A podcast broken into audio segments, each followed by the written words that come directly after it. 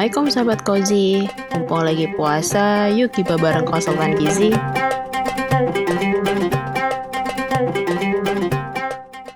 Assalamualaikum. Hai sahabat Kozi Selamat datang di segmen Giba Gizi Berkah bersama konsultan Gizi Gizi Berkah, Ramadan Barokah. Puasa menjadi ibadah yang paling indah Karena dengerin segmen Giba bersama konsultan Gizi. Hari ini Gibahnya masih bersama Filza. Semoga sahabat Kozi masih bertahan dan tidak bosan.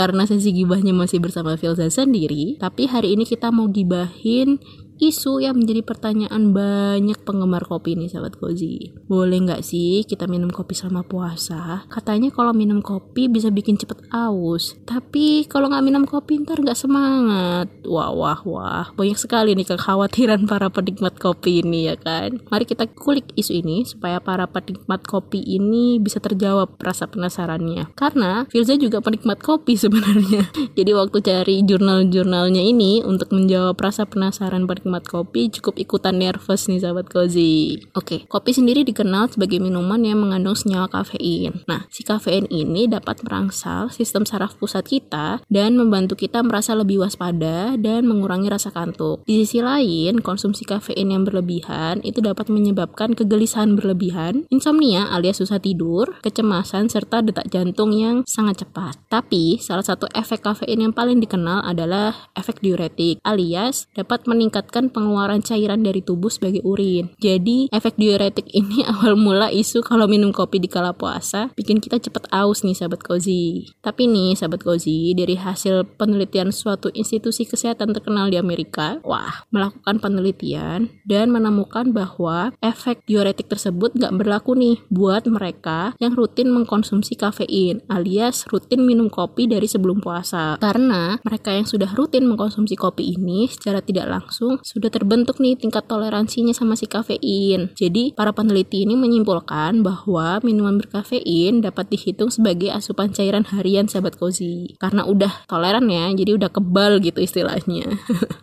nah, jadi masih boleh ya mengkonsumsi kopi yang mengandung kafein ini di bulan puasa bagi sahabat kozi yang memang rutin mengkonsumsi kopi. Karena efek diuretiknya ini yang bisa bikin cairan keluar tubuh menjadi urin ini udah nggak akan berpengaruh gitu. Terus berapa berapa nih jumlah konsumsi kopi yang aman gitu kan selama bulan puasa. Nah, menurut anjuran beberapa badan pengawasan obat dan makanan beberapa negara nih, sahabat Kozi, konsumsi 2 hingga 3 cangkir kopi hitam, ukuran cangkirnya ini 240 ml ya. Jadi cangkir-cangkir kopi yang cantik-cantik itu loh, yang mungil gitu kan. Enggak sih, enggak kayak cangkir espresso. Kalau cangkir espresso kan mungil banget ya, kecil. Nah, ini cangkir yang biasa aja, itu masih aman. Kalau lebih dari 3 cangkir kopi, itu sudah tidak disarankan karena nanti bakal muncul nih efek-efek dari kafein yang berlebihan dan malah merugikan tubuh kita. Terus konsumsinya kapan nih yang aman gitu kan? Karena kadang suka bingung pas sahur ntar takutnya haus, pas buka ntar takutnya malah nggak bisa tidur gitu kan. Jadi untuk sebagian sahabat kozi yang rutin mengkonsumsi kopi di pagi hari sebelum berpuasa, nah dapat mengkonsumsi kopinya saat sahur karena dapat membantu mengurangi sakit kepala di saat berpuasa nanti. Karena ada beberapa kasus nih di mana penikmat kopi ini akan mengalami efek yang tidak membuat harinya nyaman ketika asupan kafeinnya ini berkurang secara drastis. Jadi kalau uh, sahabat kopi biasa banget nih minum kopinya di pagi hari, nah tiba-tiba selama puasa nggak minum kopi sama sekali di pagi hari. Nah kan otomatis asupan kafein ini turun drastis nih. Nah itu biasanya ada efek-efek yang timbul kayak pusing, terus uh, nyeri kepala kepala, cepet capek, terus cepet emosi gitu-gitu kan. Nah, kalau kayak gitu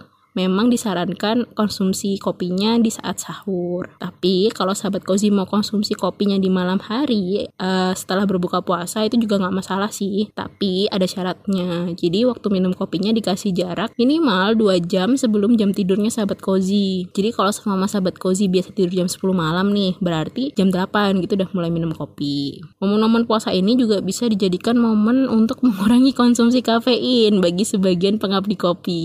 Nah, Filza mau berbagi tips nih bagi sahabat cozy yang memang mau mengurangi konsumsi kafeinnya selama puasa ini. Tips pertama, dimulai dari mengurangi jumlah konsumsinya. Jadi yang biasanya dua cangkir, itu bisa jadi satu cangkir aja sehari. Lalu bisa dengan cara mengurangi frekuensi konsumsi kopinya. Jadi uh, bisa dibuat sehari minum, sehari enggak. Lalu tips kedua dengan mengganti jenis minuman kafeinnya sahabat cozy. Bisa mulai dengan kopi yang di atau kandungan kafeinnya yang udah dikurangi, lalu bisa diganti dengan teh juga. Jadi, sahabat cozy, minum kopi bagi yang sudah rutin konsumsi kopinya dari sebelum puasa tidak akan menyebabkan dehidrasi. Tapi, yang tidak rutin konsumsi kopi mungkin efek ini akan muncul. Yang pasti dijaga asupan cairannya ya sahabat cozy selama puasa supaya tubuh kita tidak mengalami kekurangan cairan yang berlebih. Semoga rasa penasaran sahabat cozy juga terjawab ya di sesi gibah ini. Kalau begitu, saya Filza, mohon undur diri dulu Sampai jumpa di gibah selanjutnya, karena kita akan gibah tiap hari selama bulan Ramadan. Salam jiwa anti mitos dan hoax.